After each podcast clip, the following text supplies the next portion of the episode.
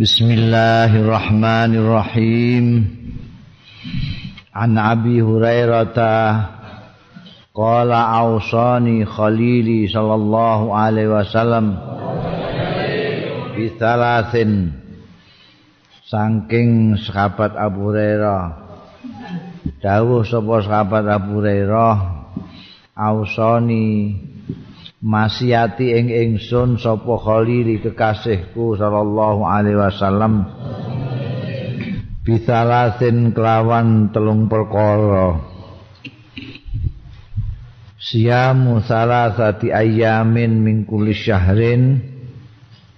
Pertama poso telu pira-pira dina min kulli syahrin saking setiap bulan Setiap bulan poso telung dina. Terserah. Pertama tanggal siji, tanggal limolas, tanggal telung puluh Apa guri kabeh.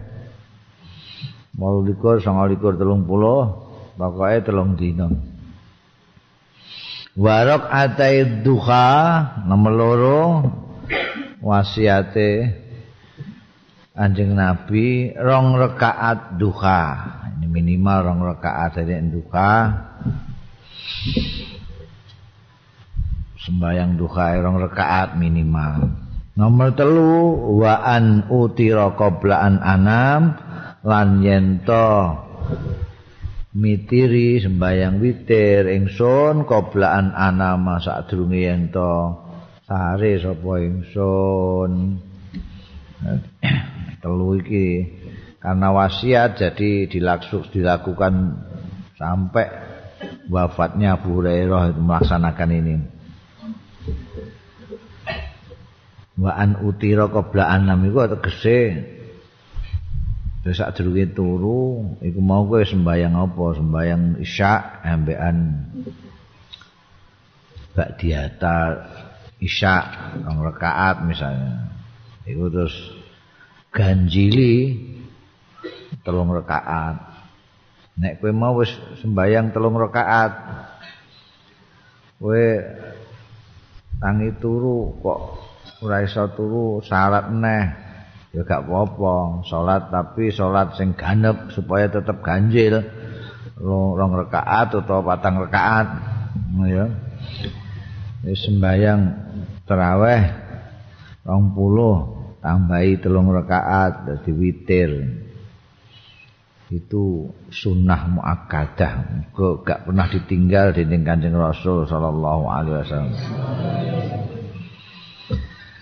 An Adi bin Hatim saking sahabat Adi bin Hatim kala ngendika sapa Adi bin Hatim sa'altu nyuwun pirsa sapa ingsun Rasulullah ing Kanjeng Rasul sallallahu alaihi wasallam. Kultu matur sapa ingsun ya Rasulullah duh Kanjeng Rasul ursilu kalbi kula ngeculake asu kula. Wa usami lan ngarani kula faajidu mongko nemu kula maahu sartane kalbi alas saidi ngatasé buron sing kula ken gudak niku wau. Nemu kalban ing asu akara sing liya lam usami sing boten ngarani kula alaihi ing kalban. Wala adri lan boten ngertos kula ayuhu mautai pundi salah sijine kal kalih niku kalbi napa kalban akhir wau akhadha ingkang mendet said Kala dawuh Kanjeng Nabi Muhammad sallallahu alaihi wasallam. La takul. Aja mbok pangan iku buron itu. Fa inna ma samaita ala kalbika. Mongko tak temene ngarani sira ala kalbika ing ngatasé asumu. Walam tusammi lan ora ngarani sira alal akhari ngatasé asu sing liya. Jadi kenek kowe iku ngingoni asu sing mbok warai mbok belajar mergo asu iku ana cerdas banget mbok warai mbok kon berburu biasane wong berburu mbek nggawa asu nggo burone iku sing jiko asu kuwi mbok kon ae kok jiko kijang sing kijang dipanah apa ditembak kon marani asu kuwi tututi asu gawa ning gone bendarane asu iku iso ngono. Nah iki sing ditanyakan iki hari-hari ana asu loro iki. Nggawa buron siji. Siji-sijine iki gak ora dianu dik mau jare. Sing dikongkon njikuk buron iki mok asune dhewe iki kok iki ana asu meneh ragu-ragu. nyuwun pirsa Kanjeng Rasul dingendikani ya wis rasa dipangan iku buron iku. Wong mok siji asu sing mbok kongkon iki ana asu sitoke. Tur kowe ora ngerti endi asu sing ngalap iku buronan. Anil Barra bin Azib. Saking Al Barra bin Azib wa Zaid bin Arqam lan Zaid bin Arqam. Sa'ala nyun perso sapa keduanya Al-Barra bin Azib kalau Zaid bin Arqam. Nyun perso Rasulullah ing Kanjeng Rasul sallallahu alaihi wasallam anis sarfi saking adol emas karo emas saiki sarfu iku ya dinggo bahasa Arabe bank, money changer segala macam itu perlu penukaran duit. Nek biyen maknane khusus jual emas dengan emas. Angsal no mboten dol emas karo emas. Iki emas gelang, dol emas lantaan misalnya. Faqala mongko dawuh Kanjeng Rasul sallallahu alaihi wasallam. ingkana yadan biadin lamun ana apa saraf mau yadan biadin ulung-ulungan dan ketangan-ketangan ndak nanti-nanti apa besok tapi langsung. Iki hmm, iki wekmu iki barter langsung. Pala baksa. Mongko ora apa-apa. Kenek. Wa ingkana lamun ana ya sarfana iku kok nasian, semayan, semoyo. Esuk iki lho cekel sik gelange engko kowe gak kenek falayas luhu. Mongko ora patut ya sarf, ora patut tegese ya ora kenek. Gak boleh.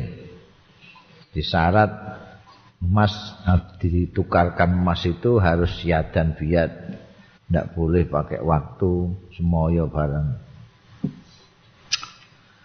Anil Mikdad saking Al Mikdad anin Nabi saking Kanjeng Nabi sallallahu alaihi wasallam Qala ma'akala ahadun ta'aman qattu khairan. Dawuh sapa Kanjeng Nabi ma'akala ora mangan sapa ahadun wong suwiji ta'aman ing panganan qattu babar pisan khairan ingkang luwih bagus min ayyak kula yen to mangan sapa ahad min amaliyatihi saking pekerjaan tangane emang ahadin. Saking pekerjaane tangane ahad.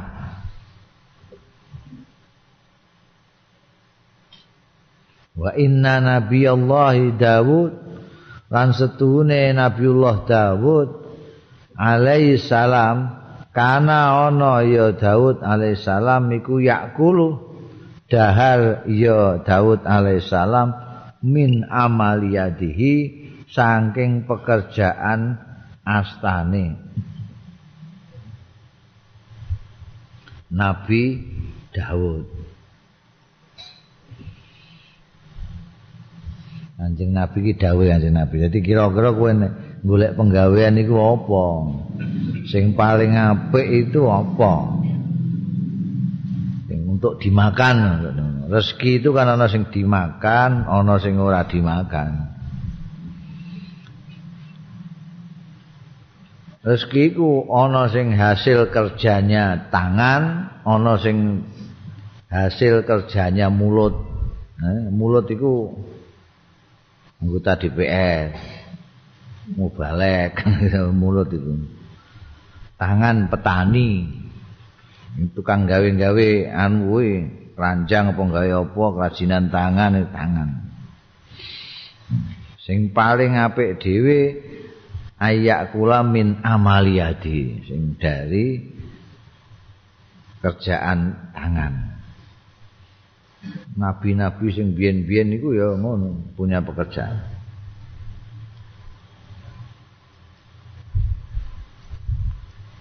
nah ulama-ulama macam-macam pendapatnya menafsiri pekerjaan tangan itu bisa tani dagang ya pekerjaan tangan mau ngulung-ngulung no dagangan niku nih pembeli barang kok. Ini ngono ya apa nelayan barang wong ngolahi ya nganggo tangan. Tukang kayu nung ya nganggo tangan, tukang batu nganggo tangan. Pokoke luar hasil tangan. Penulis nganggo tangan. Jadi kayak aku ngene iki ya. iku termasuk khairan iku diwangen mergo yakul min amaliyatihi pekerjaan tangan to ngetik Nabi-nabi koyo Nabi Daud bareng kok nyambut gawe ngono Nabi Nawud, Nabi Nuh, Nabi Nuh iku tukang kayu. Mulane gawe perahu apik banget. Nah, perahu. Nabi Ibrahim barang itu mau gawe. Kanjeng Nabi Muhammad sallallahu alaihi wasallam. Dagang kanjeng Nabi. Dagang. Lho Nabi Daud itu wong raja kok nyambut gawe bareng Nah itu untuk yang dimakan itu. Jadi ono sing untuk makan ono sing tinggu tuku sapu, keset, barang kan ono kuwi duit. macam-macam. Mulane nek cara kiai-kiai kuno iku dibagi-bagi duit itu di anu di apa jenenge eh ora dadi siji ngono lho. Iki duit kok sedekahan, iki duit kok apa jenenge pertanian, nandur-nandur, ana nandur klopo, rong wit terus didol. iki duit kok tim sukses. Itu kan dewe cara kuno itu biyen Allah yarham abah itu kan anggota konstituante. Untuk untuk honor itu konstituante itu saiki ya meh padha karo MPR MPR tapi nek nyangoni aku mbek NK Khalil niku ora tau dijikukno kok konstituante iku. Hmm.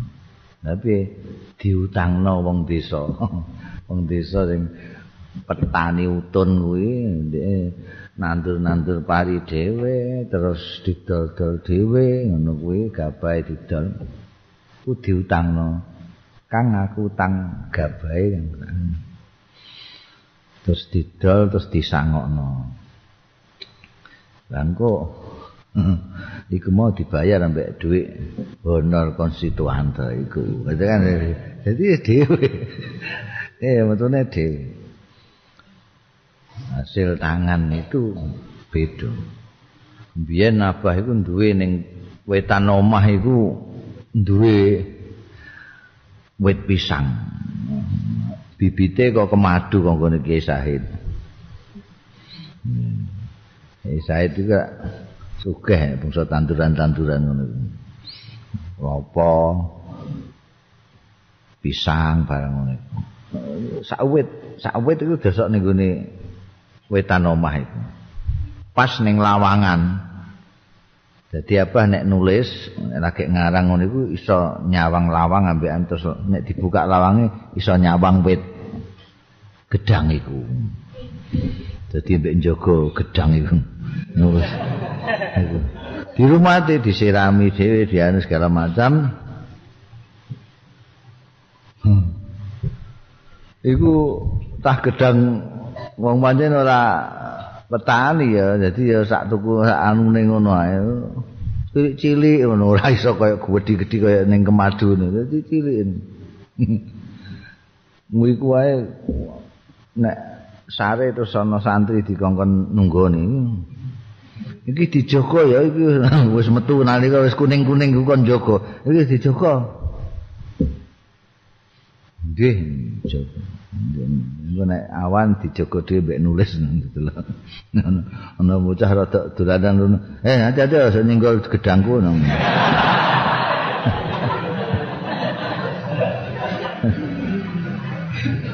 Bareng wis wayahan iku. Wayahe wis mateng iku sing mateng mok pira ngono sithik mon. Kuwi iku anak-anake diundang kabeh gue.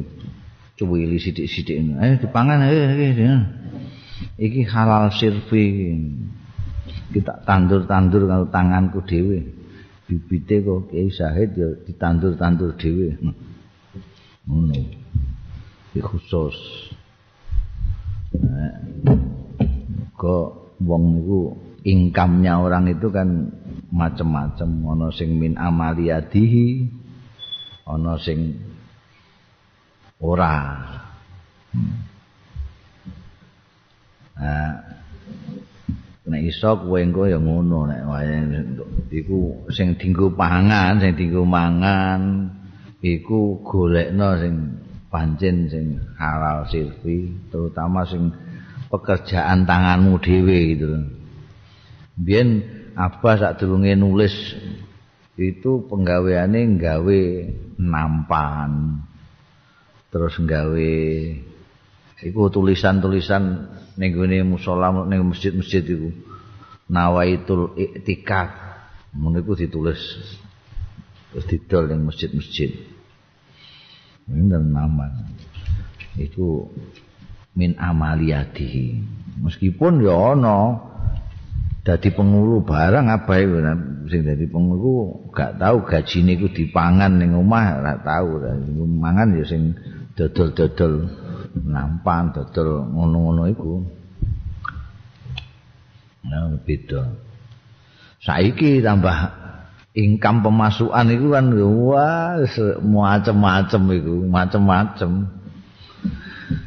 ora mok saka penggawean tok. Kaya aku ngene iki dhuwitku pirang-pirang ora sumbere kok macam-macam ana sing awehe wong rada kakean dhuwit ngono mungkin ya rada risi kok dhuwit kok akeh gak karuan iki terus diwehna aku ben melak-melak nyimpen ngono. Ana sing calon-calon ngono kuwi. Niku mbah karepe piye kok cukup kok nyalami templek iku? Rumangsane aku iso ndukung ngono apa? Ndukung rak mok wong siji tok Nah, itu beda no. Itu dipangan itu sing anu.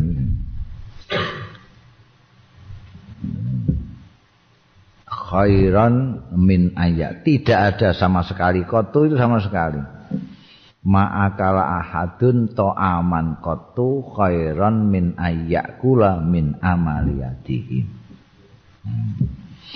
soalnya sing mbok pangan iku dadi getih dadi mani dadi macem-macem. Getih iku nek mengaliri tangan-tangan iso obah ning dindi mengaliri meripat meripatmu iso ndelok rono rene mengaliri kaki kakimu iso melangkah ke sana kemari lah nek iku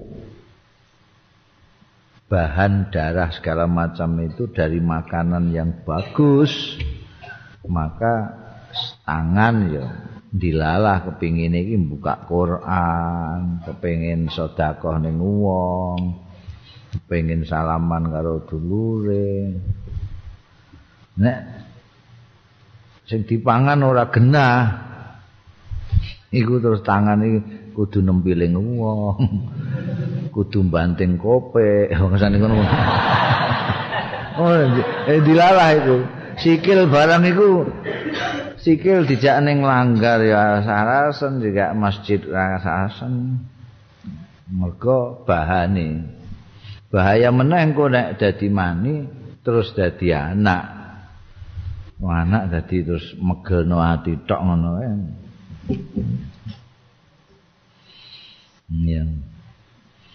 An Hakim Ibn Khizam anin Nabi sallallahu alaihi wasallam kala ngendika sapa Kanjeng Rasul sallallahu alaihi wasallam?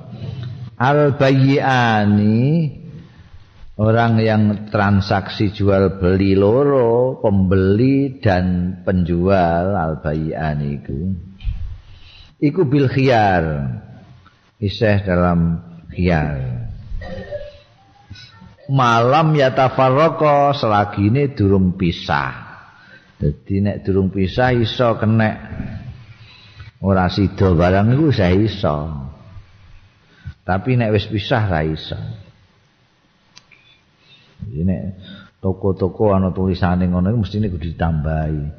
Barang yang sudah dibeli dan sudah meninggalkan toko ndak boleh ditukarkan kembali. Ngono iku. Nek isa ning kono iku isa iso. Au qala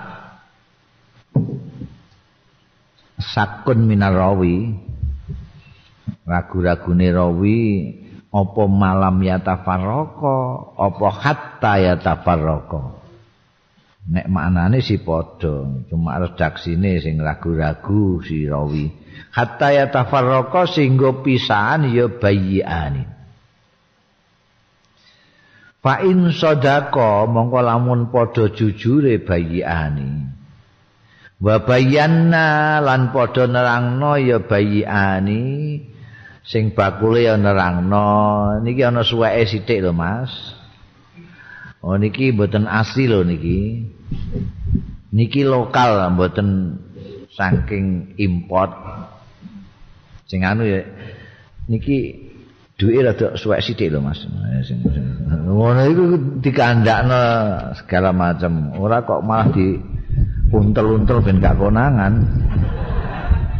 Nek padha jujure, padha nerangnone kabeh ini barangnya diterangkan oleh penjual, ini uang pembelinya juga dijelaskan. Ini duit niki duit anu, duit dolar nih, belum gak ada dik rupiah nih. soalnya kula sapa kula teng luar negeri terus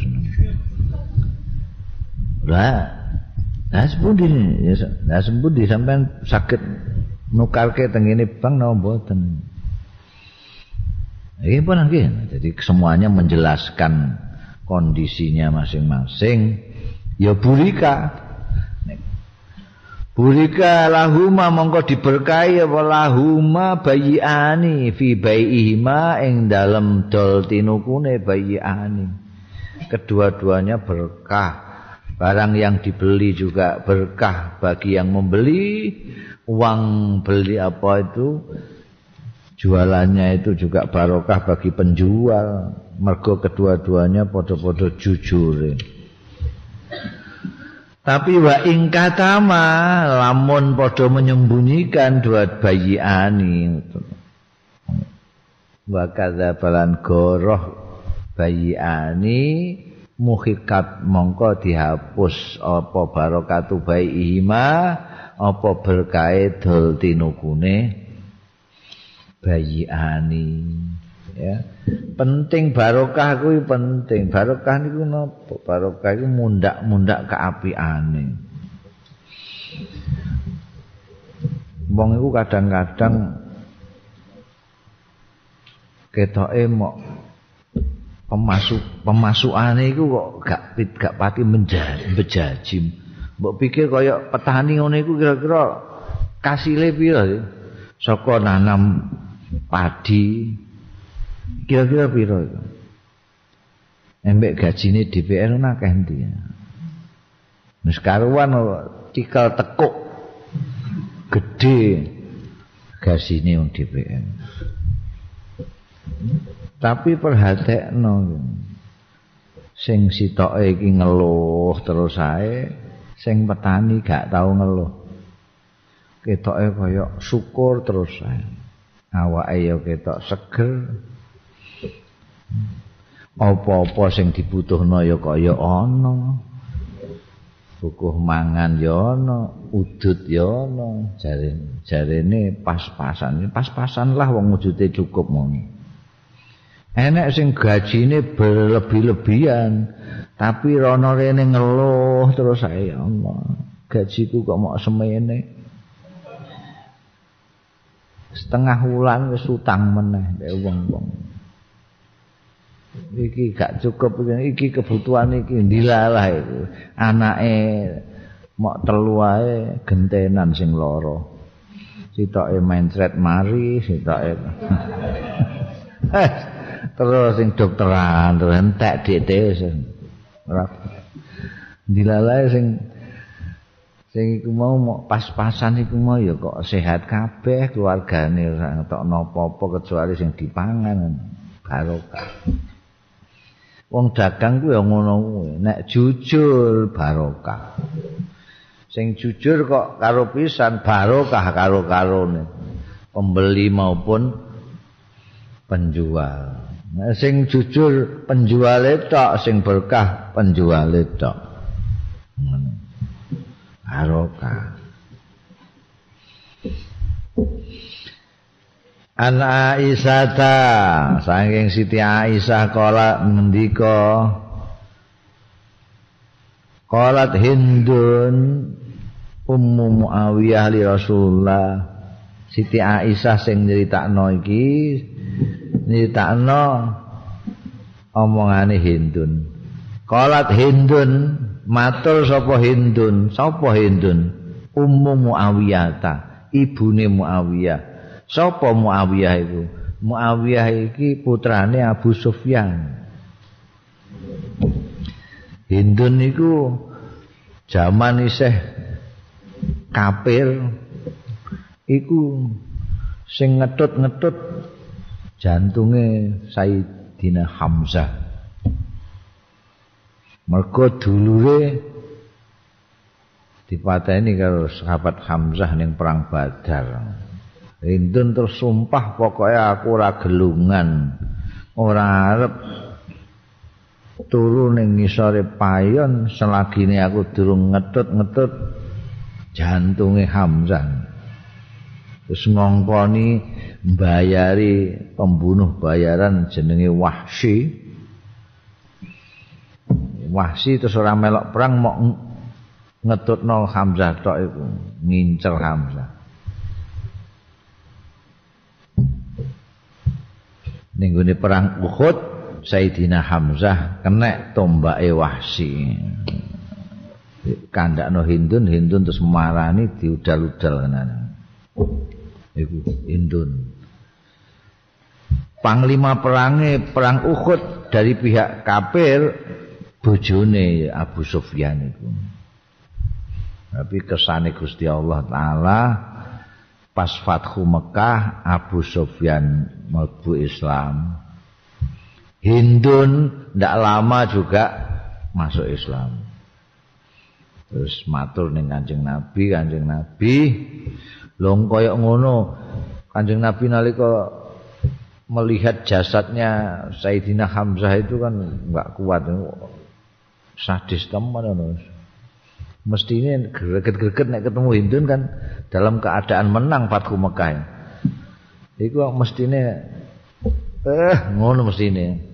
Ternyata enggak karena Hindun menyerahkan diri diampuni mbek Kanjeng Rasul. Ngantek Hindun Ummu Muawiyah iki matur karo Kanjeng Nabi Anjing Nabi biyen niku mboten nonton tiyang sing kula gwethingi ngungkuli jenengan niku mboten nonton. Wong sak donya sing paling kula gwethingi jenengan. Sakniki mboten nonton sing luweh kula cintai ngungkuli panjenengan niku Hindun. Iki Hindun iki sing matur wis mlebu Islam. Abu Sufyan dia sudah menjadi orang Islam. Muawiyah sudah masuk Islam kabeh iki. Hindun Ummu Muawiyah matur ning gone li Rasulillah marang Kanjeng Rasul sallallahu alaihi wasallam. Jeng Rasul Inna Abba Sufyan maksudnya bojone suaminya Inna Abba Sufyan sedunia Abu Sufyan niku rajulun wong lanang sahihun sing muwedite mboten karuan. Bojone dirasani. Abu Sufyan niku tiang jalan sing muwedite mboten karuan. Duwike mau diadai teng pundi? Teng kupluk tukang teng pundi? Fahal alai alayya junakun mongko ana ta iku alayya ing atase ingsun ing atase kula junakun utawi dosa nek aku du min mali sirron mendet an akhudha yen tong mendet kula min mali sing bandane Abu Sufyan sirron ngale rahasia nek diem-diem kula colong duwite ngoten sepundi Jadi bojone medit matur karo Kanjeng Nabi. Medit ngai belanja pas-pasan. Kula niku kepengin napa-napa mboten sakit. Sepundi nek duwike kula wendet meneng-menengan ngoten sepundi. Angsal tah mboten. Kala dawuh sapa Kanjeng Nabi, "Khudhi anti wa banuki ngalapo sira anti sira wadon wabanuki lan anak-anakmu ngalap maing barang yakfiki sing nyukupi awakmu bil ma'rufi kentri ape ya jiko ya jiko tapi aja akeh-akeh aja kabeh. Ya sak perlune ae kowe butuh apa? Ameh nguwai dhuwit anakmu pira sedinane ya ngono. Jiko sak perlune. Aja terus mbok anu kabeh dompete mbok tuntek entekne iku aja sak perlune ae. Dadi iki kanggo apa istri-istri yang suaminya medit-medit itu lah kowe sing lanang-lanang sing namanya dadi suami iku ya aja medit-medit ngono ndak dicolong mah bojone An Ibnu Abbasin saking Abdullah bin Abbas sami tu Rasulullah mireng sapa ingsun Rasulullah kang Kanjeng Rasul sallallahu alaihi wasallam. Tak pireng ya ingkang ngendika sapa Kanjeng Rasul man sawara suratan sapaning wong sing gambar ya man suratan ing gambar. Fa inna Allah mongko stune Gusti Allah iku yu'adzibu nyiksa sapa Gusti Allah ing man kata yang fuha sehingga nyebulake sapa manfiya ing dalam surah arruha ing nyawane. Walai saran mesti ora iso sapa man binafihin lawan nyebulake roh fiha ing dalam surah abadan selawase. Jadi ya terus disiksa terus wong ora iso-iso. Ndak mungkin iso Iki hadis iki dipotong sampean apa Ibnu eh, Abi Jamrah ini. Iki kan hadis Ibnu Abbas iki ana wong sing penggaweane gambar. Gaweane gambar. Gambar unta, gambar pedus, gambar wong. Takok Ibnu Abbas, dijawab Ibnu Abbas nek dawuh kan aku tau krungu Kanjeng Nabi ngendika ngono, Kang. Wong gambar iku ya engko siksa Gusti Allah sampai ndekne iso nguwai nyawa ning gone gambare kuwi, gak iso disiksa terus. Krungu ngono iku sing takok iku terus raine pucet. Terus ketok kaya panik ngono. Lho napa kanggo ngono? Anggih kula niki bin Abbas, kula niki penggawean kula niku saged kula gambar. Ya ngoten gambar di ngotenake niku sepundi. Lho aku rak mau nyampekno dawuhe Kanjeng Nabi ya. Kowe nek pancen ora iso nyebut gawe liyane gambar, yo gambar liyane bangsa wit-witan tak apa ngono lho. Nek wit-witan ora ora nyawane. Dari hadis ini terus timbul berbagai macam pendapat. Papat mbah lima pendapat tentang gambar ini. Nah, sing ana sing melihat dari segi gambar itu berbentuk apa enggak? Mergo jenenge surah itu bisa tiga dimensi bisa dua dimensi. Mereka ulama-ulama yang melihat dari sisi ini mengatakan bahwa kalau gambar itu tiga dimensi kayak patung barang tidak boleh. Kalau gambar foto barang ngono itu gak apa-apa mergo gegere gak ono. Kuwi foto ngono iku gak gegere ora ono. Ono sing pokoke haram mutlak, ana sing halal mutlak, ana sing diperinci, nek dihormati gak oleh. Nek ora dihormati oleh. Dihormati ku tegese dipajang-pajang kaya anu ngono kae. Heeh. Nek pengen selamat ya iku mau dawuh Ibnu Habbas, mung penggawean saiki penggawean sing paling gampang iku gambar. Masya Allah. Pelukis-pelukis itu ketoke ngono sugih-sugih iku. Aku gambar alip ae payu 50 juta. Gambar alip. Ya, mbah mergo sing gambar aku mbah pancen gambare apik.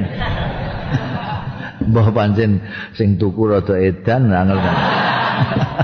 Yang penting lah. Wis tak takokno ambekan Kiai Said Allah yarham niku nek kula dodol lukisan kula nggih kaji ngoten sepundi. Ora jawab tapi alhamdulillah. Ya berarti ya apa ya? Ya gambar pirang-pirang kok kudu gambar wong, gambar kebo barang kuwi apa gambar. Sekarang ada aliran ekspresionisme, ono aliran kubisme, ana aliran abstrak. Ya siku ae golek sing gak ana makhluk apa sing abstrak iki kan gak ana. Coret-moret ngene iki kan. Dadi ora bakal kowe dikongkon ngiseni roh wong pancen ana ruwe barang sing abstrak itu. Ngono ya. An Ibni Abbasin saking Abdullah bin Abbas anin Nabi saking Kanjeng Nabi sallallahu alaihi wasallam Ahakuma akhatum luweh berhak berhake barang akhatum kang ngalap sira kabeh alaihi ing ngalap ajron ing honor iku kitabullah taala. Kitab Gusti Allah taala. Eh nek wong mulang apa jenenge ABCD anu barangnya digaji kok. Mosok mulang Quran. Luwih berhak dikai hono. Iki sing dienggo dalil ning Imam Syafi'i jadi mulang Quran mulangane iku nganggo honor kena. Nek ana sing kaya Imam Maliki Imam Anu iku gak oleh gak oleh. Wong iku ibadah kok. Mulang Quran kuwi ibadah. Jadi ya bayarane ya ganjarane Gusti Allah. Ora kok dit.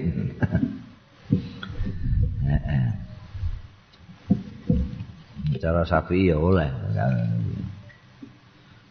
Ahaku ma'akhatum alai ajran kitabullah ta'ala hmm. Aku kelingan zaman ngaji ngaji Quran Fatihah telung wulan iku. Angger ngaji nangis, angger ngaji nangis. Kancane wis do tekan omah kabeh, wis do dolanan kabeh aku sih. Diwian karo. Kiai ini ra gelem nyalahno. Tok, keliru, tok. Nek tok ini kon baleni neh. Gak didudono salah ya, muangkel. Nek nangis terus Lho, kok nangis? Wis mulai-mulai tutukno sesuk. Oh, tambah. Eh, telung wulan. Hmm. Bareng ning Mesir, ning Mesir iku beasiswane 8 pon. Mahasiswa nalika iku biasane 8 pon. Nggo tuku rokok 6 pon. Jadi beasiswa sak wulan iku karek 2 pon. Tunggu tuku sabun, tuku buku, tuku macam-macam 2 pon gak cukup. beneran kok ana pegawai kedutaan golek guru ngaji nggon mulang anak-anake maca Quran. Wah. Saku ditawani. Sak wulan digaji 10 pon. Beasiswane 8 pon, gaji 10 pon. Wah, gelem wis 10 pon mulang anak-anake. Anak-anake luwih dedel timbangane aku dik biyen. Dadi sak wulan telung wulan iki durung mingket-mingket saka patekah. Suwe-suwe anake iku anake wong gedhe-gedhe kok ada sak enake ngono no akale ra Wah, Om. Om ini pinter ya enggak dinaik-naikin kita ini dari PTK terus. Jadi dapat gaji terus itu.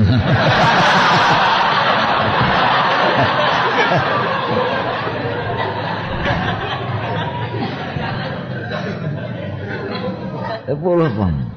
Aku terus keiringan karo kiai ku ya Allah, sing mulang aku ngantek nunggoni aku ngantek dalu gratisan ngono kae aku saiki tak tularno ning wong 10 pon sak wulan.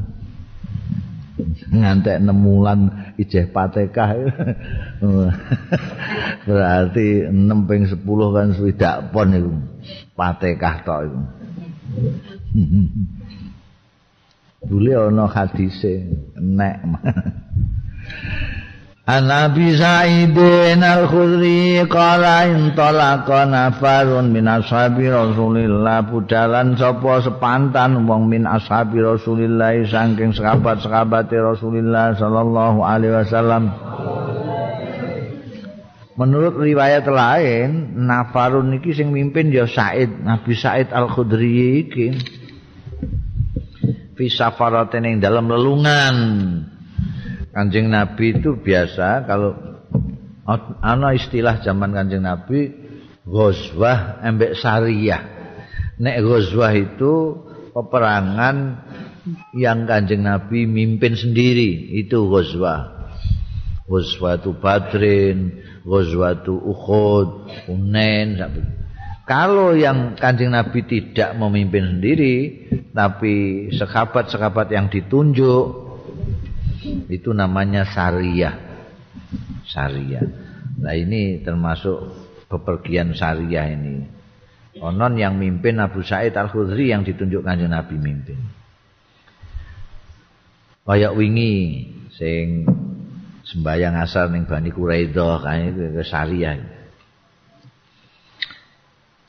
Safaruha kang lunga ya nafarun min ashabi Rasulillah ha ing safra hatta nazalu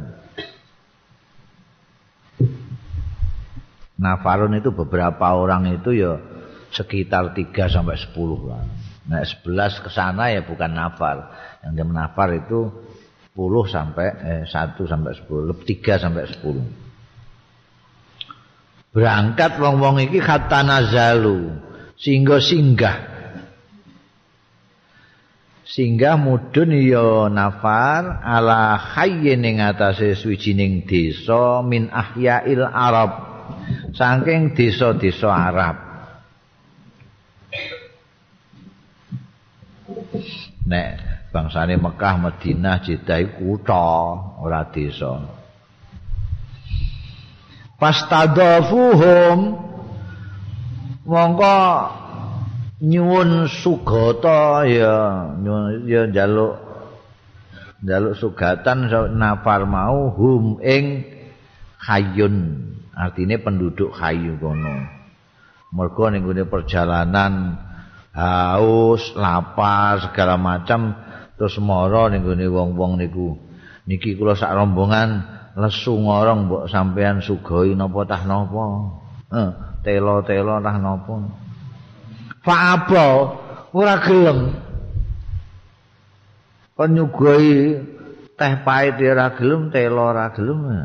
Fa apa mongko ora gelem ya kai mau. Ora gelem ayudayifuhum yen to nyugoi apa kai mau ing nafar min ashabi rasulillah wis dimentalak-mentalakno njaluk suguhan. Ditolak. Nah. Kualat akhire falu diho moko dientup kala jengking sapa sayyidu dalikal khairi lurahe mengkono-mengkono desa mau. Lurahe dientup kala jengking. Wah geger gembor-gembor kala jengking padang pasir. Fasaau mongko do berusaha ya wong-wong hayu mau. Lahu kanggo sayyidu dalikal khairi kanggo lurahe mau. Bikuli sayin kelawan segala sesuatu. Wis kono golekno anu. Cara saiki digolekno segala macam godhongan minyak itu minyak tawon anu. Segala macam dicari untuk nambani tapi layan fauhu ora manfaati apa kulo sayin bu ing sayyidu dari khain wuh tambah abuh. Gak iso mari. Faqala ba'duhum. Mongko celatu sapa ba'duhum sebagian haid ana wong-wong sing kandha lau itu. Amun nekani sira kabeh haula irahtu ing mengkono-mengkono grombolan mau kumpulan alladzina nazalu sing mampir ya ladzina bikum lawan sira. Iku mau ora ana wong asing mau sing mampir kene sing do njaluk anu mau Mbok menawa-menawa la Allahu ayyakuna inda ba'dihim.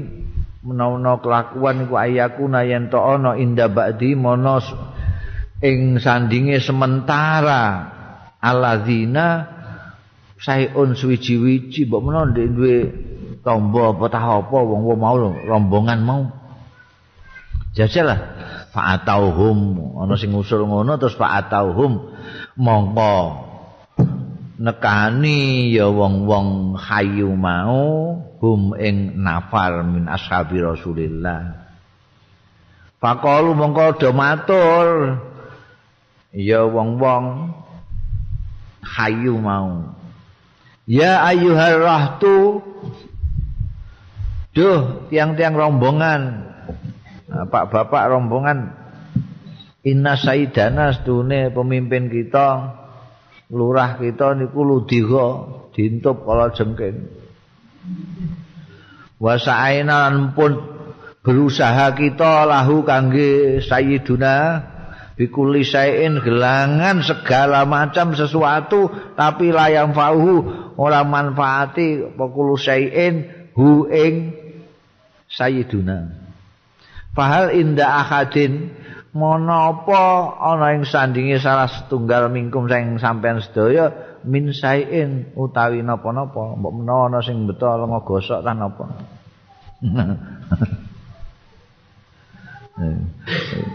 Iku cara kowe syukur ngono. Pakola ba'duhum iki ana. Dalam satu riwayat yang mengat pakola ba'duhum mongko ngendika sapa ba'dum sebagian nafar. Ini satu riwayat sing ngendika iki justru pimpinannya sendiri yaitu Abu Said Al Khudri yang nyeritakno cerita iki. Tapi ning kene kok muni faqala ba'duhum. Sebagian nafal itu ada yang mengatakan, "Naam, ya. Ini satu meneh ingsun wallahi demi Allah. La arki aku iso nyuwuk. Aku pinter nyuwuk aku. Iso aku. nek mau bangsa dintup tawon dintup apa kalau jengking gampang.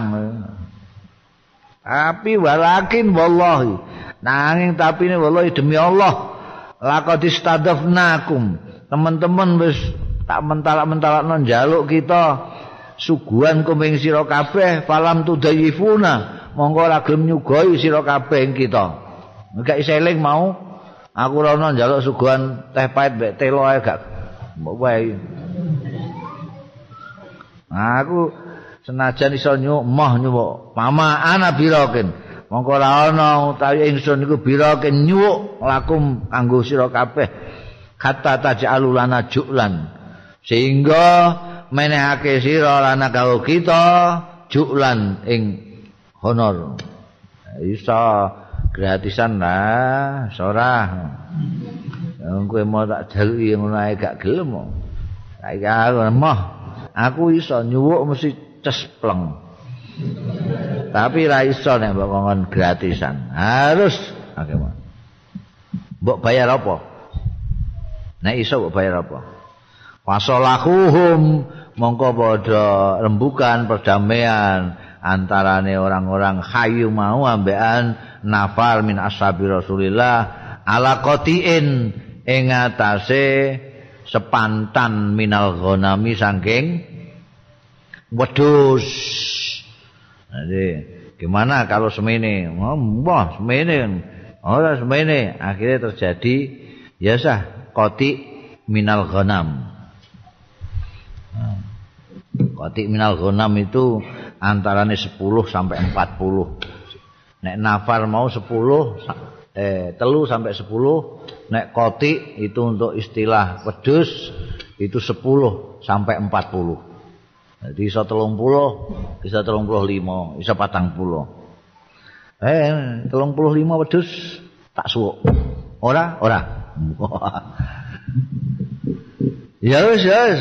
Fasalahu malakat minal ghanam. Pantakal pantolako moko budalan sapa ba'dhum paja'ala.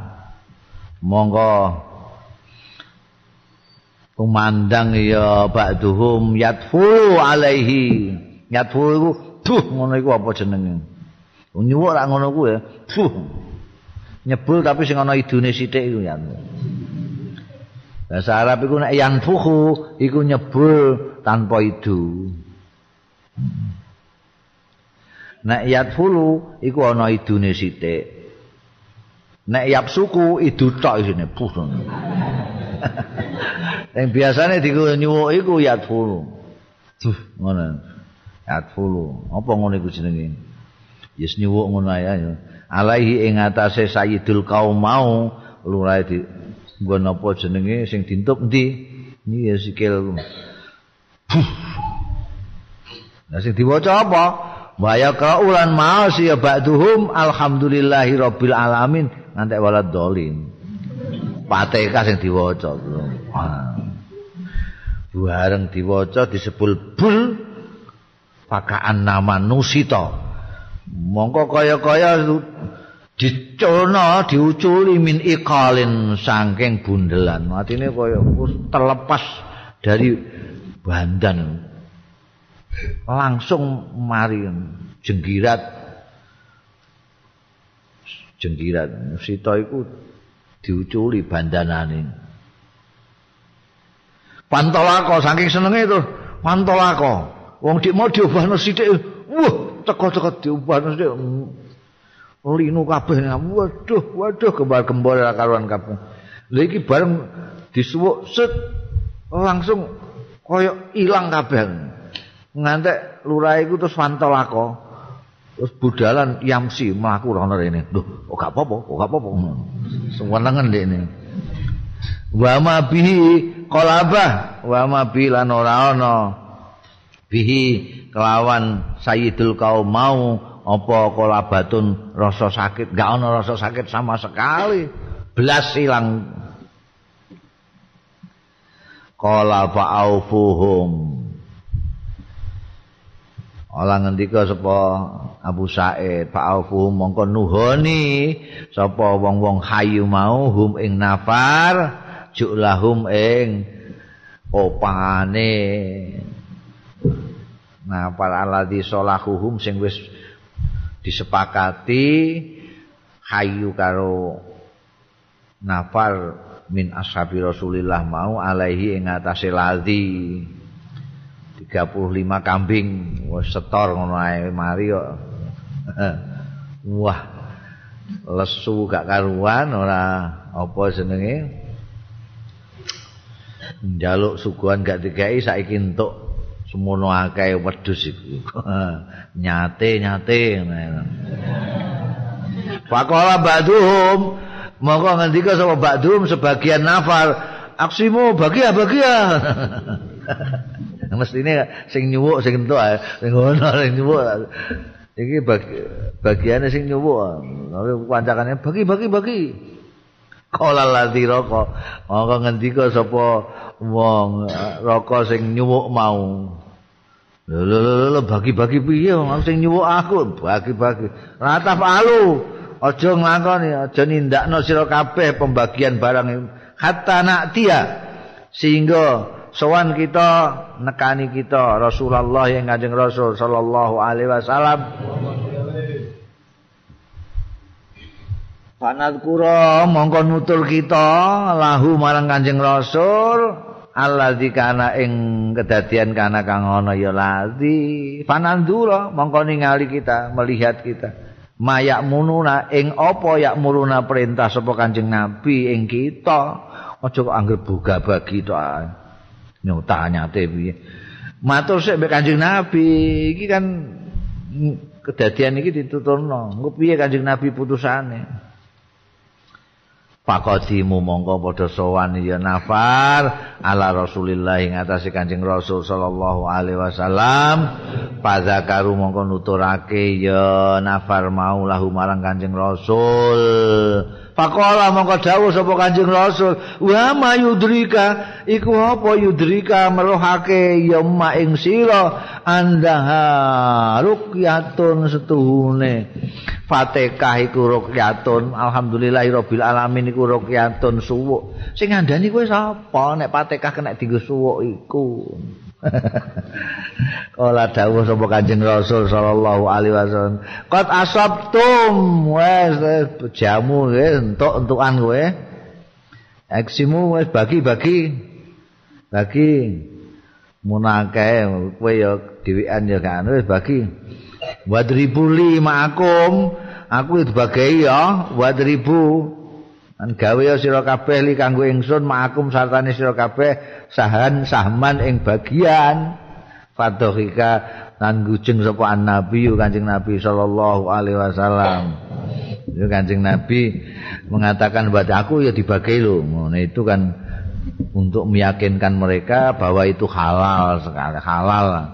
Jadi iki sing dadi kowe engko nek nyuwuk niku halal. Kanjeng Nabi minta bagian berarti halal tenan ya Dan itu menunjukkan kearifan akhlake Kanjeng Rasul. Ora kok ya sing nyuwuk sapa mau? Iku sing nyuwuk terserah sing nyuwuk lah. Nek ndek ini gelem mecingi liya-liyane ya ben dipecingi nek ora ya ora mesti yang ngono ya. Gak bagi bagi bagi. Ya. Iki penggawean sing paling gampang kok iku kowe iku nek pancen ora entuk penggawean apa-apa.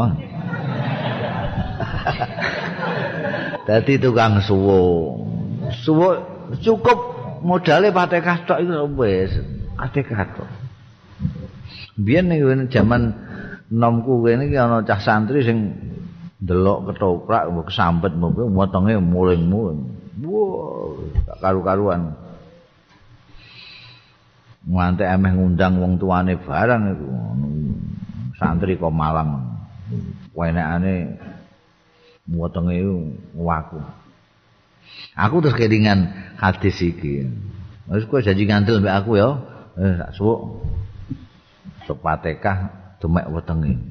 Iku ya kaya lurah. Kene iki. Matuk mbek dikenek-kenek wetenge. Lho lho lho tapi aja kondo-kondo wong aku ngono aja kondo-kondo wong aku dadi dukun aku. Nek Kanjeng Nabi dawuh Al-Fatihatu lima quri'at lah. Fatihah itu tergantung sing maca juga apa itu dinggo suwuk mandi. Ono kedadian sing luar biasa zaman aku duwe mobil pertama kali. Jadi anggota DPRD untuk bagian mobil. mobile Daihatsu. Wah. Lagi iso nyetir untuk mobil anyar, setir dhewe, kari-kari kebanan ning tengah dalan. Wah. Memang sidang paripurna nganggo desi, nganggo jas barang dadak kebanan. Mateng.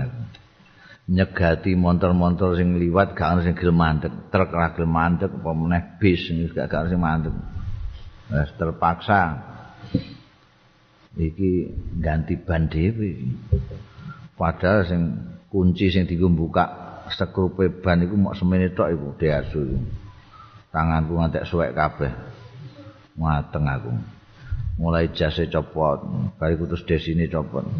bariku terus kelambine copot terus terus kaos copot blodor anu semua ora kasil masalah ganggu tangan ganggu sikil siset kabeh kene. Lah wong iku pasangan kok pabrik ya? Buka ambek tangan ra iso. Sing buka tek ora pengalaman sisan. Wis. Setengah wis buanting ae wis tengok-tengok tengok-tengok wis. Ngenteni nasib baik aja wong wis sak jam ora iso buka ya wis.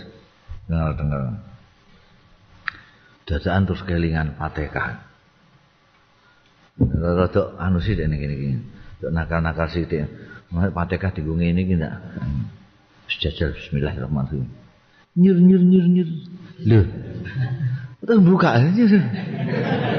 Masya Allah lah. Oh gak mau mau. Hah? Eh mau. Iso sidang paripurna aku. Masya Allah. Mulai. Wah. undangi ngono Pak Desol Kak Soy wah wong-wong iku adik barang iki adik aku di ilmu anyar eh pokoke buka sekel barang wis ora usah nganggo kunci pokoke wis dodok kabeh ndelok aku iki wacana pateka meken ora obah blas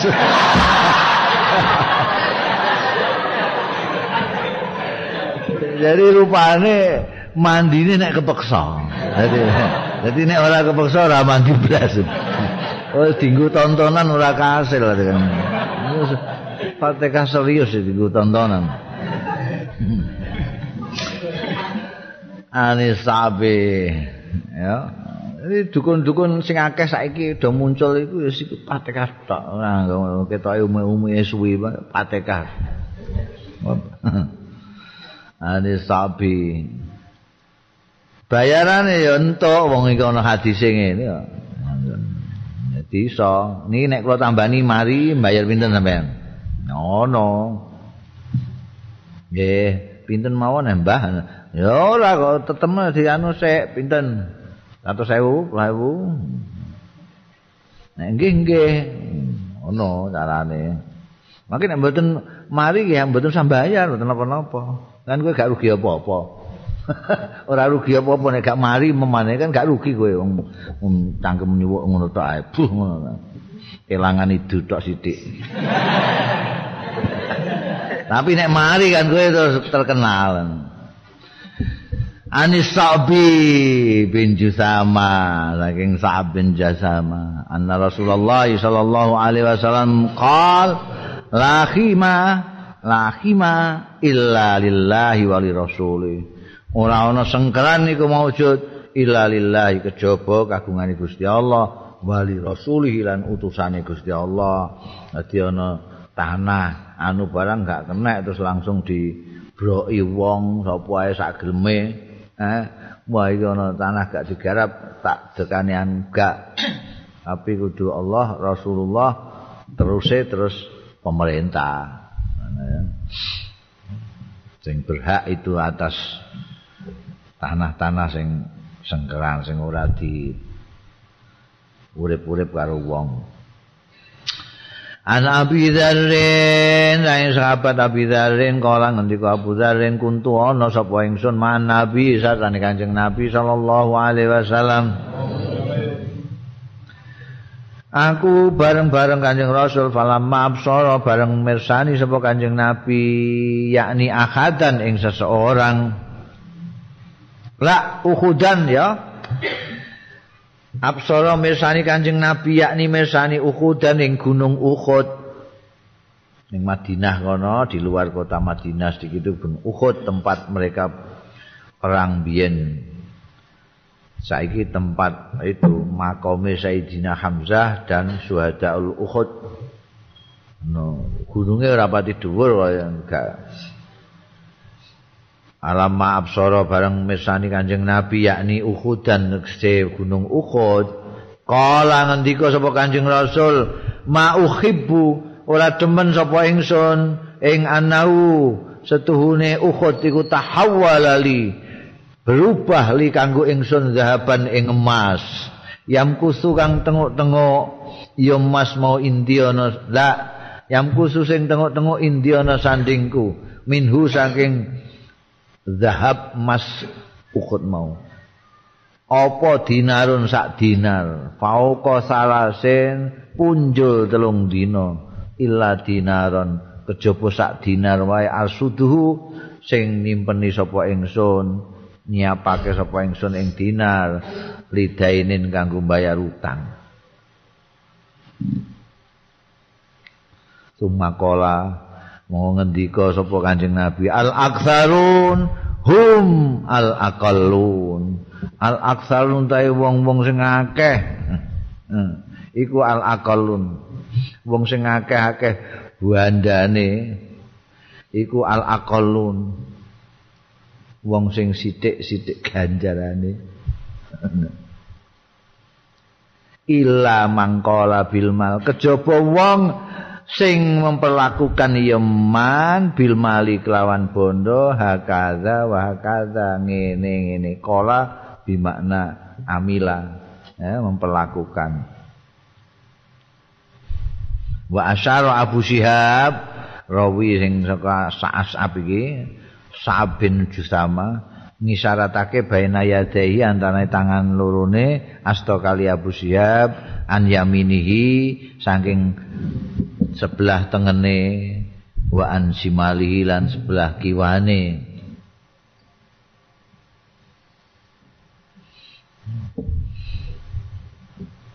ini kancing Nabi. Kok umpang aku gak kepengin? Pamane iki gunung iki misalnya gunung Uhud gunung iki kok dadi emas kabeh kanggo aku. Iku saya tidak ingin ini tersimpan di dekat saya sampai satu dinar pun. Dinar itu duit emas. Duit dinar. Telung dino kok masih tersisa satu dinar pun saya tidak suka kecuali kalau satu dinar itu memang disiapkan untuk membayar utang. Jadi anjing nabi itu tidak suka menyimpan bondo. Di paling satu dinar yang untuk apa jenenge? Bayar utang itu itu sudah menjadi tabiat kanjeng Rasul Shallallahu Alaihi Wasallam. Jadi tidak pernah menyimpan duit sampai tiga hari barang ini kawan ngantek mubalaghah kok umpomo duwe gun, sak gunung emas itu dibagi semua sampai tinggal satu dinar untuk bayar utang tok itu. Ini Nabi dawuh sing akeh-akeh detail akeh bandane iku malah ganjarane mok sithik. Nek apa? Aung arang-arang ngamal kakean ngitung duit tok. duit ngurusi duit ngurusi kecuali wong sing sugih tapi mempergunakan hartanya untuk bangun madrasah untuk nyumbang ini untuk ini wa qalilun mahum Tapi sing ngono iku ya sithik. Wa qalilun lan kidik mahum. Barang kang hum ya eh man bi bil maliku Sing wong sugih sing terus nasrapno bandane untuk sedekah, untuk zakat, untuk membantu, untuk ngamal jariah sedikit jumlahnya. Wa qala lan dawu sapa kanjeng rasul sallallahu alaihi wasallam. Dawuhi Abu Dzarrin makanak. Netepono sira ing panggonanmu tengok-tengok ngono maksude makanak. Aja lunga-lunga ya. Hatta atika singgo nekani sapa ingsun ka ing sira. Ning kono sik. Teni. Nek aja lunga-lunga nek aku durung teko wa takot damalan maju kanjeng nabi ghaira bait ora pati adoh. Dadi ujug-ujug Kanjeng Nabi terus muni ngono. Enteni sik ya, aku tak anu sik, engko nek aja lunga sik nek aku durung balik. Kanjeng Nabi terus rono ora adoh. Bareng tekan kono fasami tu sautan. Aku terus krungu suara. dari arahnya Kanjeng Nabi swara ana swara wantren fa'aratu mongko ngarepake sapa ingsun an atihi an atiyahu yen to nekani sapa ingsun ing Kanjeng Nabi mergo krungu swara dari arah Kanjeng Nabi. Tapi summa zakartu mongko keri-keri kelingan sapa ingsun kaulahu ing dawuhe Kanjeng Nabi makanak kayak tanda kutip iku. Makanaka hatta atiaka di mau wis didhawuhi Kanjeng Nabi kon tengok-tengok sadurunge Kanjeng Nabi rawuh balik kon gak entuk lunga-lunga. Dadi aku gak sida aku jane kepengin kepengin roh swara apa iku? Falam majaa bareng rawuh meneh sapa Kanjeng Nabi. Kultu matur sapa ingsun. Ya Rasulullah Duh Kanjeng Rasul Aladzi sami'tu. Niku napa aladzi sami'tu sing kula pireng niku wau? Wonten swara niku wau napa? Au qala syakun minar rawi. Utawa ngucap asautul ladzi. Iki sakun ya kayak tanda kurung iki. Au sampai sami itu. Au qala utawa ngendika sapa Abu Dzarrin asautu ta swara alladzi sami itu kang kula mireng niku wau napa?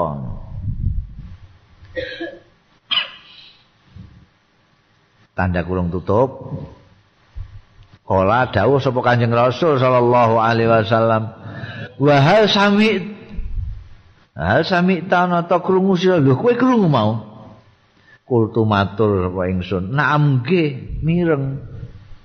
Kala dawuh sapa Kanjeng Rasul, atani Jibril iku mau aku ana sedilek mau kan aku ketekanan malaikat Jibril. Atani ngrawuhi ingsun sapa Jibril malaikat Jibril.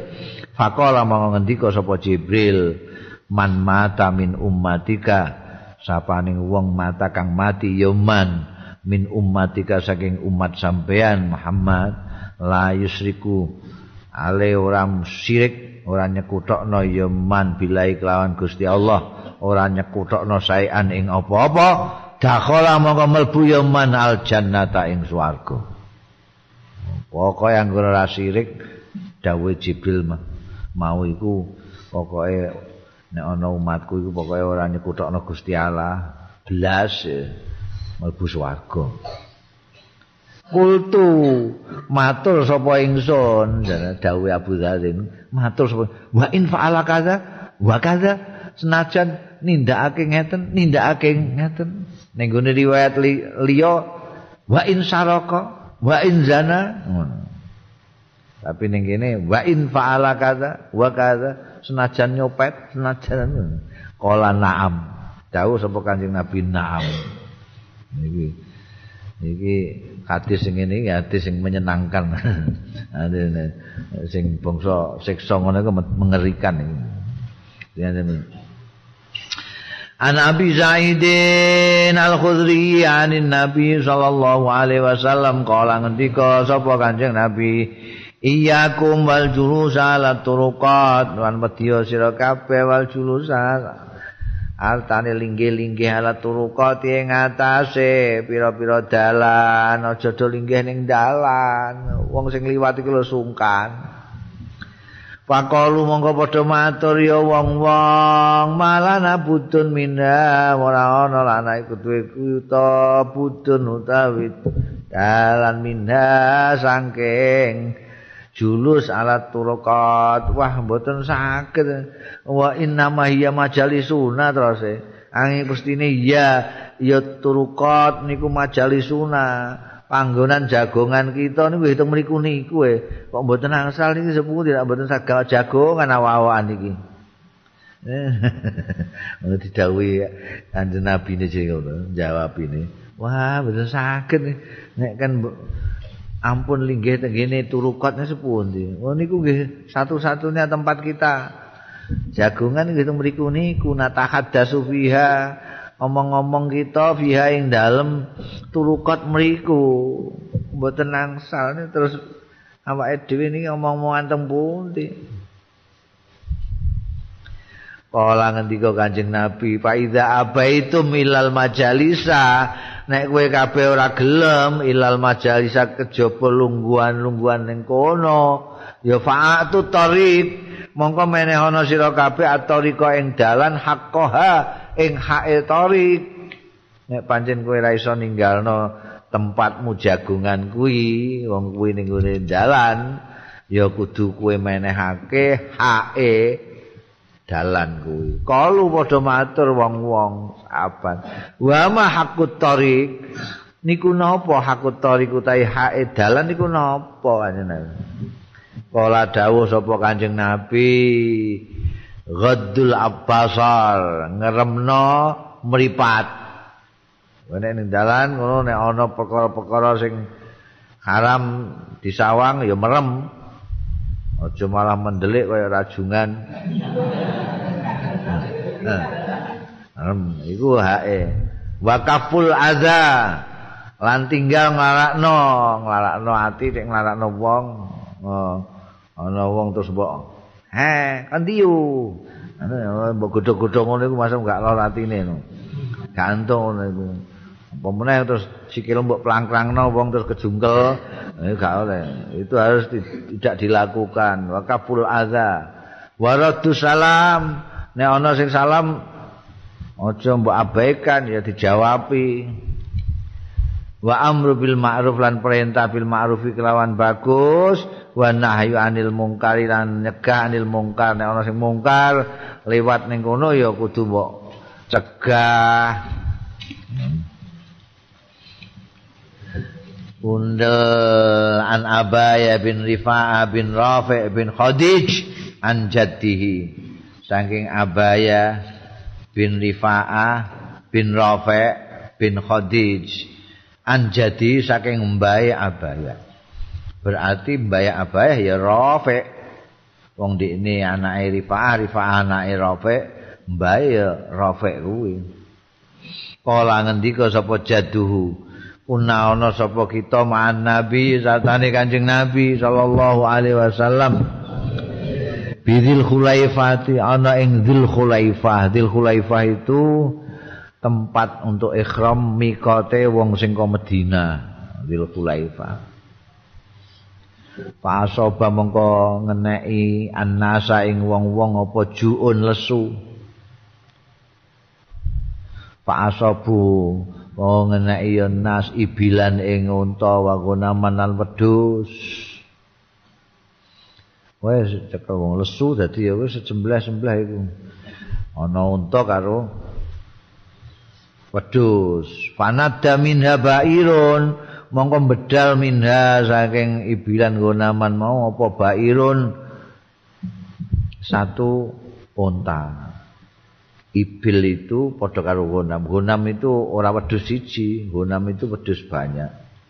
Ibil itu juga unta banyak. Ora ana mufrate ibil iku. Mufrate ibil ya bair. Nek siji unta siji bair, nek pirang-pirang ibil. Ana sing bedal fatolabuhu mongko goleki wong-wong hu ing bair. Fa'ayahu mongko ngeselake ya bair hum ing wong-wong. Golek ngantek kuwesel ora kecekel-kecekel. Wa kana fil qaumi lan ana fil qaumi dalam kaum apa khailun jaran di antara orang-orang itu ada yang punya jaran. Ya siratun nabi sithik Pak Ahwa mongko nyemplo sapa mau wong ya sapa rajulun wong lanang minhum saking kaum bisa min kelawan jemparing pakabasahullah mongko nahan ing bair sapa Allah Gusti Allah melalui jemparinge rajul iki. Eh, cekel angel mblayune mubeng-mubeng. Ya ana sing numpak jalan terus dipanah kwek woblok nae Summa qala inna li hadzal ba'im awabid. Makola moko keri-keri ngendika apa Kanjeng Rasul inna li hadzal ba'im stune iku keduwe iki iki rumangkang awabida. Apa? Keliaran-keliaran ka awabidal wahsi kaya dene keliaran-keliarane binatang liar kadang-kadang memang bangsa unta ana sing liar kaya binatang sing ora omahan ngono binatang liar. Pama golabakum mongko utawi barang golabakum sing nglindih ngalahake ya maing sira kabeh minha saking bahaim fasna ubiya kaza mongko nindakno sira kabeh bi kelawan ma hakadha kaya iki mau wong lanang iki mau dadi nek wong pancen ternak iku kadang-kadang ya ana sing ngono kuwi. Lah nek misale terjadi ana sing kuwe gak iso nangkep ya carane kaya iku mau wong lanang dipanah ngono. Fakola jadi. Mongko matur sapa jadi paman eh, mbahku yaiku Rafiq bin Khalid Inna narju. Stune kita iku narju nguatir kingsun Au sakun minarawi nakhafu. Utawa nguatirake. Nguatirake iku iso nakhafu iso narju. Tapi mbah aku ragu-ragu ya. Apa narju apa nakhafu ya? Dawuhe Rafiq bin Khadij iku. Nek maknane padha nguatirake al adu wa ing musuh dan seesuk. Walai sama ana lan ora ana makna sartane kita mudan apa peso-peso. Benjen nek wonten musuh lah sepundi nek kita mboten gadah peso niku. Afanal bahu bil qasab.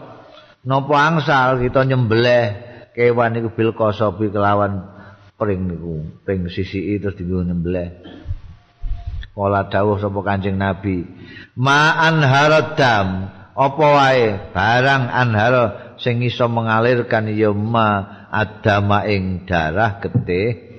Wa dzukira lan ditutur apa ismullahi asmani Allah alaihi ing atase sembelihan iku.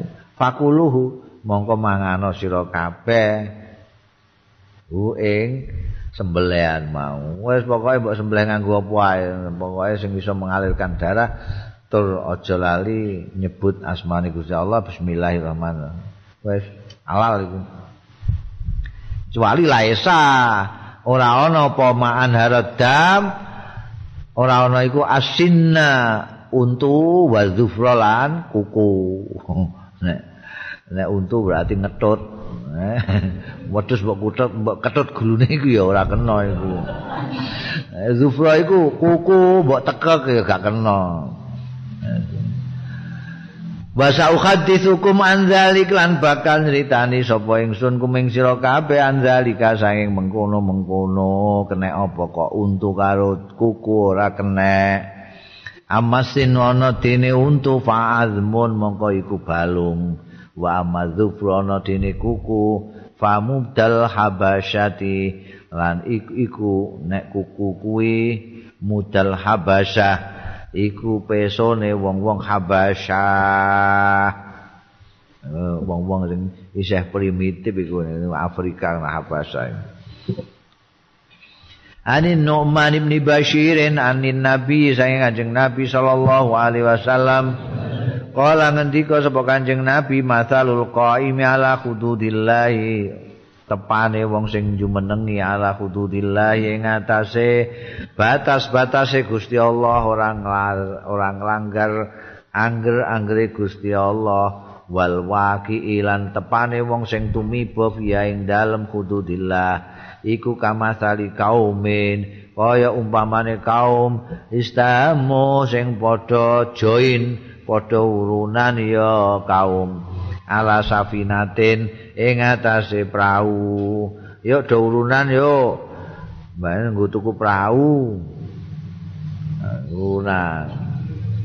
Pak Asoba monggo ngeneki apa bakdum mekole sapa bakdum sebagian kaum a'laha ing sebagian dure safina sing sebagian tok wes diundi diundi sing sitoke entuk dhuwur tamu itu iso dimanani diundi. Mereka undian sing entuk undian sebagian ning dhuwur. Wa ba'dhum lan sebagian ngenai asfalaha untuk undian bagian ngisor. Fakana alladzi fi asfaliha mongko ana alladzi fi asfaliha kang ana ing dalem ngisore safina Ida staqau minal ma nalikane ngangsu minal ma'i saking banyu iku maru ngliwati alaman fauqahu ing atase wong sing ning dhuwure. Ning dhuwure wong-wong bakdum sing ning aspal. Nek arep njukuk banyu iku terus dadak munggah ngliwati wong-wong sing ning dhuwur. Wah, kok gak enak kabeh ya sungkan kabeh. Bolak-balik kok ngliwati wong-wong sing ning dhuwur Pakalu mongko ngucap sapa ba'dum sing ning aspal iki piye lau anna kharaqna nek anas dune kita iku kharaqna apa jenenge? Bobol wae kita finasibina ing dalam bagian kita kene iki sing ngisor kene iki kharon kharkon ing bobolan botolan. Ya kan wong ning perahu iku nek nyiduk banyu segara kan munggah. Eh munggah ngliwati kanca-kanca sing ning dhuwur mau, gak enak timbangane gak enak ngono. Iki rak wis dibolongi, ora iku nek niku sego banyu segara kan iso langsung mlebu kene. Hmm. Walam nu'zi, eh terus ora ganggu, lam nu'zi ora ganggu kita man ning wong faukona sing ning dhuwur kita. Nek kene dibolongi rak wis, dadi ora usah munggah. Penak orang ganggu kanca-kanca sing ning dhuwur. Iku karepe ngono iku. Ngono iku Pak Indiatrukuhum mongko lamun tinggal sapa wong-wong sing ning dhuwur, hum ing bakduhum sing ning isor iki mau sing meh bobol prau. Wama sartane barang aradu kang ngarepake iya bakduhum sing ning aspal iki ning isor. Yo halaku es mulai matek kabeh jami'an sekabehane kerem kabeh. Wa in akhadhu lamun nyanda sapa wong-wong sing ning dhuwur mau ala aidi mengasase tangan-tangane wong-wong sing ning ngisor sing arep mbobol prau mau ya najau. Selamat wong-wong mau. Wa najau jami'an lan slamet sekabehane wong-wong kabeh duwe sing iso slamet kabeh. Itu gambarane wong sing netepi angger-anggere Gusti Allah ora dilanggar anek wong sing arep ngelanggar. Iku gambarane kaya ning prau tapi wis dibagi prau iki. Wis dilotre sing sebagian ning dhuwur sebagian ning isor sing ning isor iki nek arep njikuk banyu kudu munggah. Karepe ndekne wis ora usah munggah-munggah kene rak wis dibolongi. Nah nek iki dibolongi kerem praune ora ndekne tok sing kerem tapi sing dhuwur mau ya melok kerem. Kena apa kok dhuwur melok kerem? Soalnya ndekne ora nyegah ana wong mbolongi kene mesti ini dicegah. Demikian pula dalam hal kita itu di hadapan angger-angger Gusti Allah hududullah kita ndak boleh nafsi-nafsi. Ana sing nglanggar undang-undang Gusti Allah barang mbok njarno wae. Iku engko nek ana blai ana malapetaka ya kenek kabeh. Mulane bangsa bencana-bencana tsunami terus gempa bumi, banjir, barang iku ora kok nginggati wong sing apik-apik ora. Banjir kok nginggati. Eh hati-hati liwat aja banjir iki, iki kiai apik iki. Gak ono ngono iku. Sikat kabeh. Sing apik sing elek toleh wis saleh. Kena apa? Ya soalnya ora gelem mandani ya. Mudune harus sing ngandani. Kayak wong numpak perahu mau Nek gak dikandani ora dicekel tangane aja mbok bolong iku kerem. Lho iki bagian-bagianku dhewe kan wis diundi sampean bagian dhuwur wis no. Iki bagianku dhewe wong nek dikandani gak ngono. Dikandani aja duraka karo Gusti Allah. Iki awakku dhewe kowe macem-macem. Ora soal awakku dhewe ngono. Engko nek entuk siksa iku aku bareng ketah kena. Kok kena? Mergo gandene Gusti Allah iku gedhi. Gandane Gusti gede. Lah aku iki kumpul kowe nang kene iki cilik-cilik pirang-pirang. Kowe wani mek Gusti Allah. Tak kandhani iki mergo nek kowe digandhen aku ya kena wong aku ning kene iki. Gandene semene iki. Ndak iso piye nginggati aku, ora gak iso. Dadi gandhen mesti kena aku kan aku kena. Mulane aja duraka aja ngantek kena gandhen iki lho. Undal Nabi Hurairah. Saking sahabat Nabi Hurairah kala kala Rasulullah sallallahu alaihi wasallam. Al-zahru tawi gigir, gigir iku geger. Geger iku punggung. Punggung iku maksudnya punggungnya binatang. Punggungnya binatang apa jaran, apa unta, tumpaan lah. Yur kabu iku ditumpaki ya zahru binafaqati kelawan nafaqai zahru sing nafaqai sapa? Ya iku sing tumpaki sing nafaqai. Idza kana marhunan tatkalane ana apa zahru iku marhunan den gadekno. Gadekno iki terus sing gade gadeknone jaran itu jaran. Tumpaki ya gak apa-apa ditumpaki kena. Tapi kudu nafakoi dekne sing numpaki wala banu darilan laban sing poan poh-poan iku yusrabu diombe juga binafaqati ida kana tetkalane ana apa laban ana iku marhunan den gadekne. Wa alal ladzi yarkabu lan iku atas wajib atas wong sing numpak utawa wayasrabu lan sing ngombe dalam hal laban an utawi sing nafakoi An Asma binti Abi Bakrin. Sang Asma binti Abi Bakrin Mbak Yuni Sayyidi Aisyah. Kalat ngendika sapa Asma kuna nukmaru kuna ana sapa kita kabeh? Nukmaru diperintah kita kabeh. Yang perintah ya Kanjeng Nabi indal kusufi nalikane ana graana iku diutus kita bil ataqati kelawan merdekakno Buddha. Jadi perbudakan itu itu sudah ada sebelum Islam. Jadi nek ana wong-wong barat ngarani nek Islam itu an mengembangkan perbudakan itu jelas keliru dan memang sengaja untuk mengelirukan. Mergo sadurunge ana wisan perbudakan. Justru Islam yang mengkikis habis perbudakan.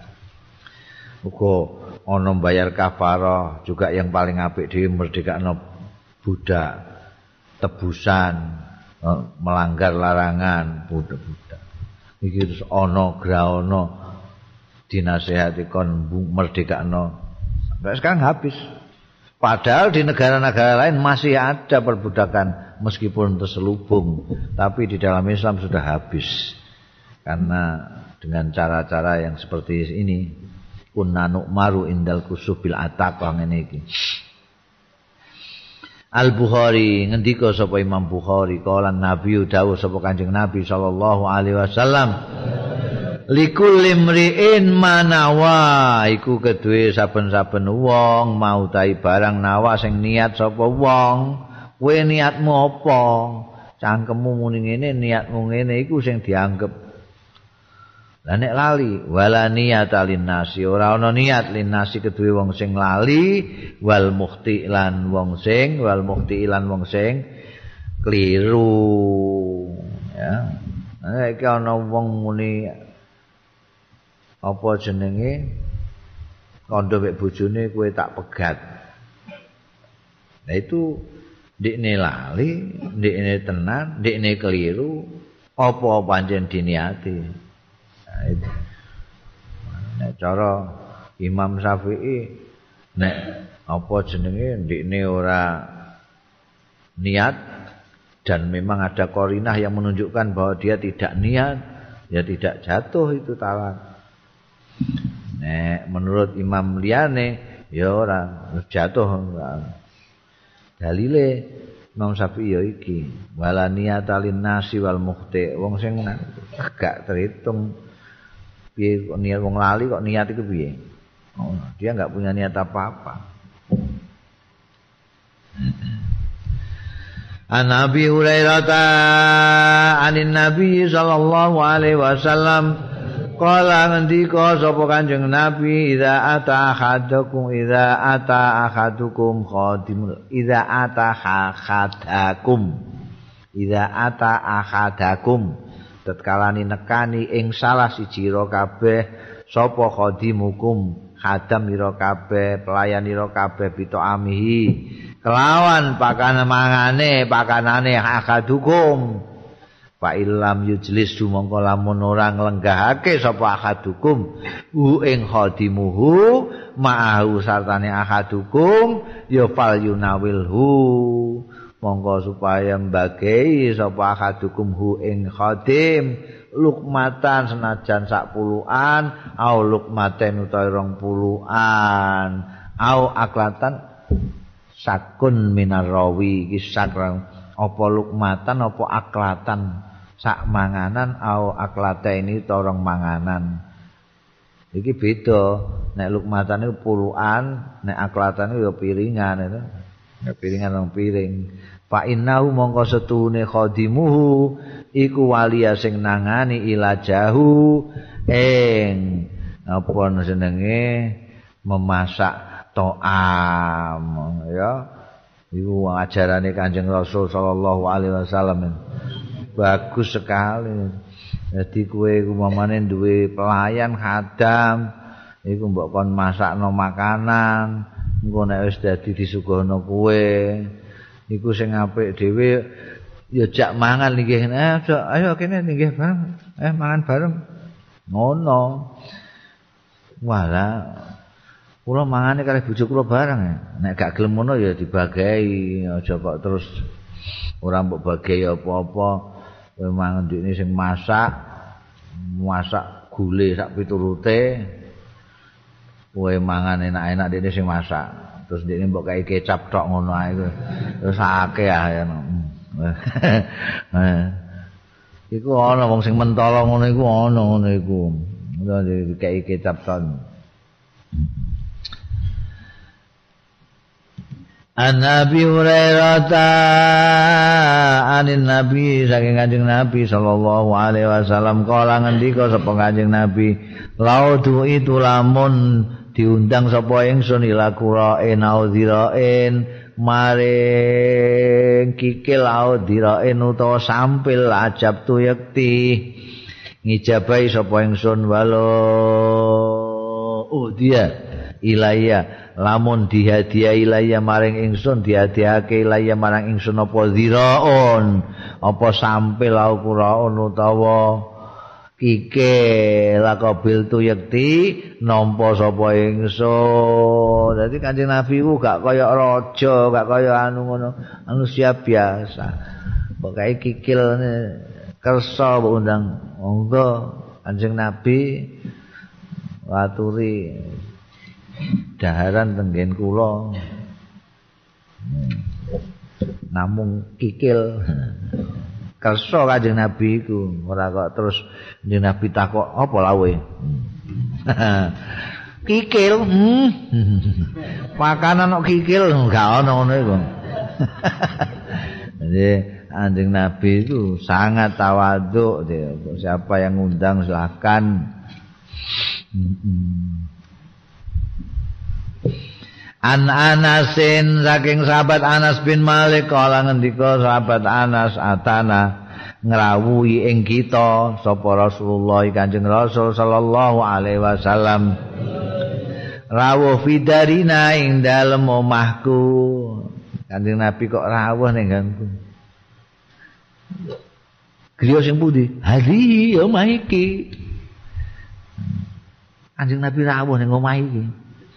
Pastasko mongko mundut unjukan sapa Kanjeng Rasul fakhalapna mongko ngepoh sapa ingsun lahu kanggo Kanjeng Rasul satan ing wedhus lana keduwe ingsun.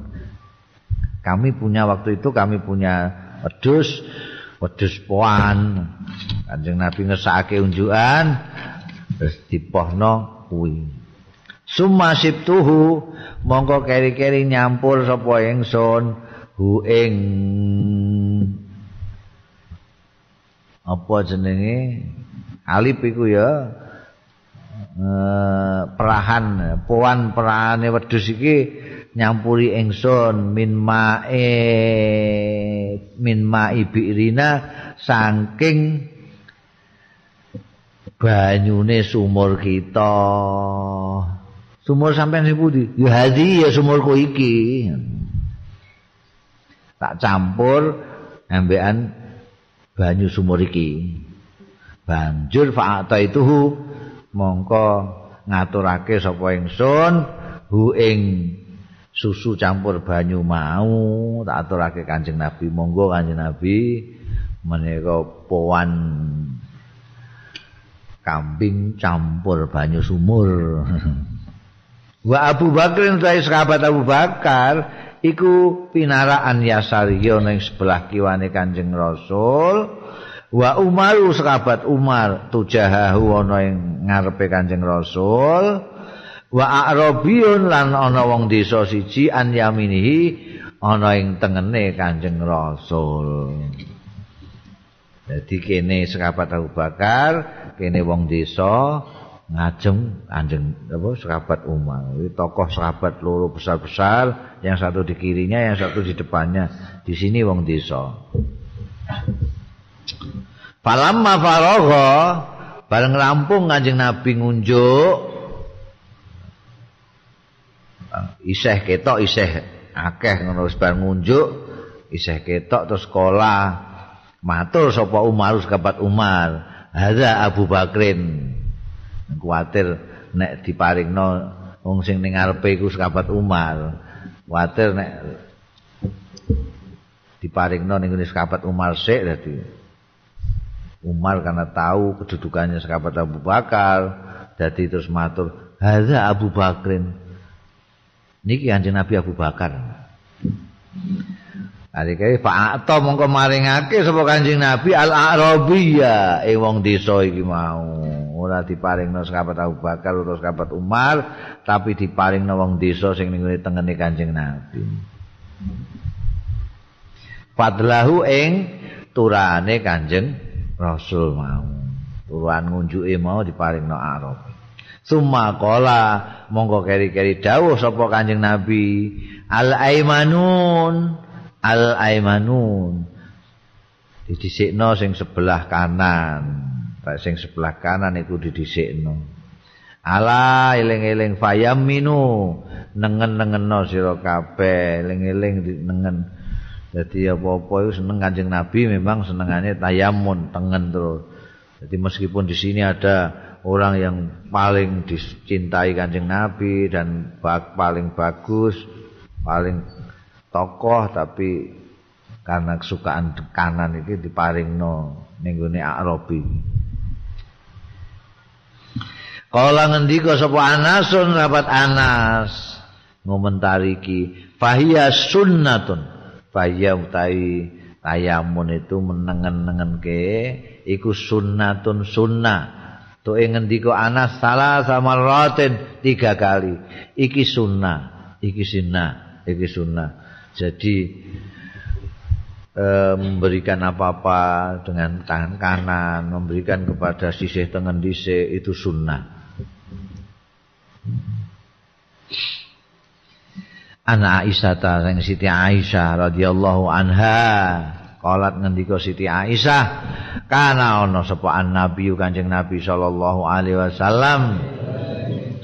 Iku yakbalu nampa sapa Kanjeng Nabi al hadiah ta ing hadiah wa bulan males ya Kanjeng Nabi alaya ing atase hadiah. Nek sedekah Kanjeng Nabi tidak menerima.